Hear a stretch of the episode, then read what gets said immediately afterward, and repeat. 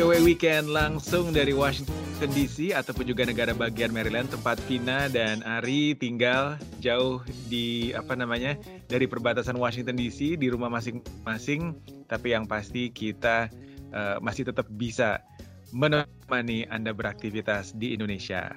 Iya, betul sekali. Kita tadi uh, lagi ngebahas soal kenormalan baru ya kan. Tadi tentang uh, perkantoran gimana nih di era kenormalan hmm. baru. Nah, sekarang gimana juga dengan uh, pemilihan umum di era kenormalan baru karena kan sekarang Amerika lagi menjelang pemilu ya kan kita hmm. akan voting. Nah, kalau misalnya TPS dibuka itu kan artinya akan ada banyak orang kan. Iya. Makanya yeah. sekarang dimungkinkan untuk melakukan pem pemungutan suara lewat surat suara. Nah, itu uh, apa namanya kita harus uh, mencoblos, kemudian dikirim lewat pos, kemudian tapi ternyata bisa ini juga loh, ada tempat Dropbox. Betul. Mudah-mudahan tukang posnya nggak ini ya, nggak nggak kepo, nggak ngelihat oh, oh ini orang oh, ini yang apa ya?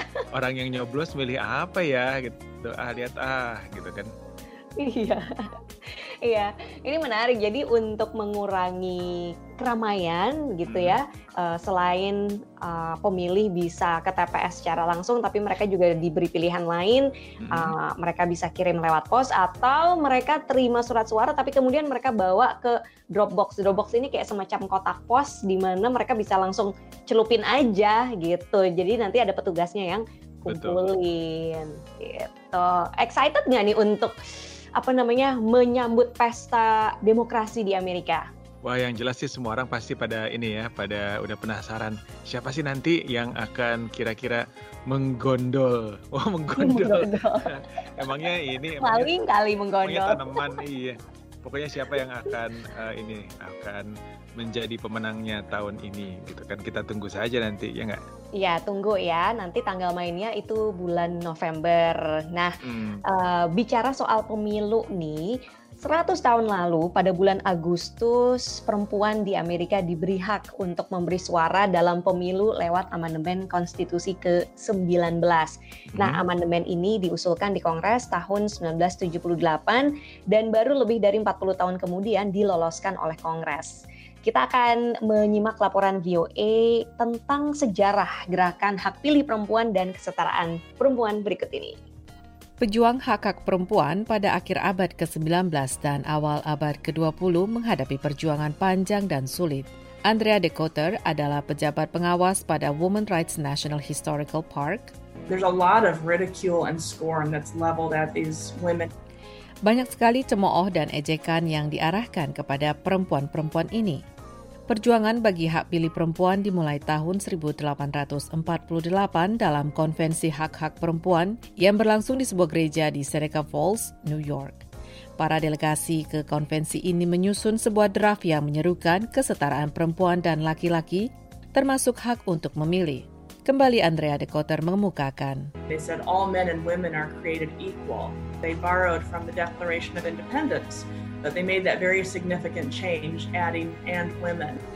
Mereka mengatakan laki-laki dan perempuan diciptakan setara. Pernyataan itu dipinjam dari deklarasi kemerdekaan, tetapi ditambahi perubahan yang bermakna dengan menambahkan kata perempuan. Ketika perempuan berjuang untuk memperoleh hak pilih selama lebih dari 70 tahun, perempuan kulit hitam tidak diperbolehkan ikut oleh kelompok kulit putih. Martha S. Jones adalah profesor ilmu sejarah di Johns Hopkins University. In their own organizations, anti-slavery societies, church conferences, civil rights organizations, and more, African American women over the course of two centuries developed their own women's movement. Perempuan Amerika keturunan Afrika lewat organisasi mereka, masyarakat anti perbudakan, konferensi gereja, dan organisasi hak-hak sipil dalam waktu dua abad mengembangkan gerakan perempuan mereka sendiri. Ketika peran perempuan berubah pada awal abad ke-20, sebuah generasi baru perempuan melanjutkan perjuangan.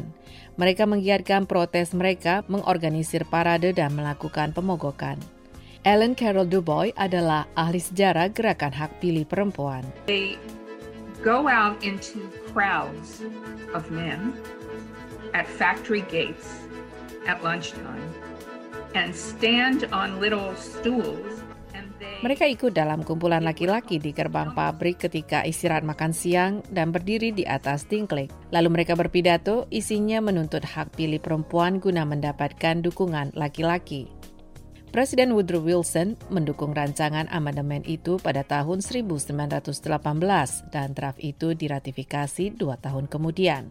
Namun, satu abad kemudian banyak perempuan dihadapkan pada pembatasan ketika memilih khususnya perempuan kulit hitam. Martha S. Jones adalah profesor ilmu sejarah di John Hopkins University. Disproportionately face voter ID requirements. They face polling places that are shuttered. Um, they are purged disproportionately from the rolls. Mereka sebagian besar dihadapkan pada persyaratan identitas yang lebih ketat. TPS-TPS di tempat tinggal mereka tidak dibuka dan nama-nama mereka dihapus dari daftar pemilih. Ketidaksetaraan seperti ini hanya bisa diselesaikan lewat amandemen hak-hak kesetaraan atau ERA, demikian kata para aktivis perempuan. Rancangan amandemen itu sudah diusulkan sejak 1923. Eleanor Smith adalah pemimpin Feminist Majority Foundation. Cannot discriminate on the basis of sex and this would apply to the federal government and all of its policies and to the 50 states. Kita tidak bisa melakukan diskriminasi berdasarkan gender, dan ini berlaku untuk pemerintah federal serta semua kebijakannya, serta juga di ke-50 negara bagian.